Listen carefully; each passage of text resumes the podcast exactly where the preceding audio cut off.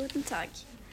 Heute werden wir einen Besuch von Maya haben, einer bekannten Reiseführer, und Ludwig, ein Ver verletzter Fußballspieler.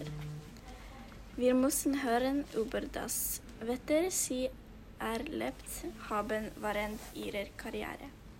Maya, können Sie sagen wenig über dich? Ich heiße Maja Olaisen und ich bin 25 Jahre alt. Ich bin ein Reiseführer und ich reise um die ganze Welt und ich führe reisende Menschen. Können Sie uns etwas über das Wetter erzählen, das Sie als Reiseführer erlebt haben? Ich habe alles von den kal kaltesten bis zu den warmsten Temperaturen erlebt. Ich kenne schlechtes Wetter und gutes Wetter.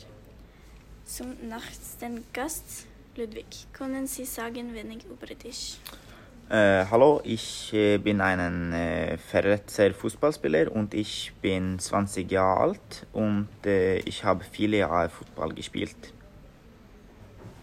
Ludwig, Sie spielen seit vielen Jahren Fu- Fußball, um während der Spiele ein anderes Wetter zu erleben. Äh, ja, Möchten Sie etwas darüber erzählen?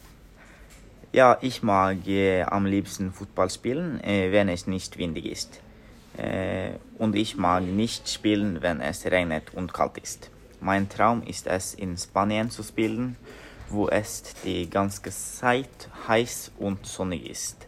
Es gibt ein äh, norwegisches Sprichwort namens Es gibt kein schletes Wetter, nur schlechte Kleidung. Simussen altså går til Kleidung Tragen in Norwegen. Danke for så.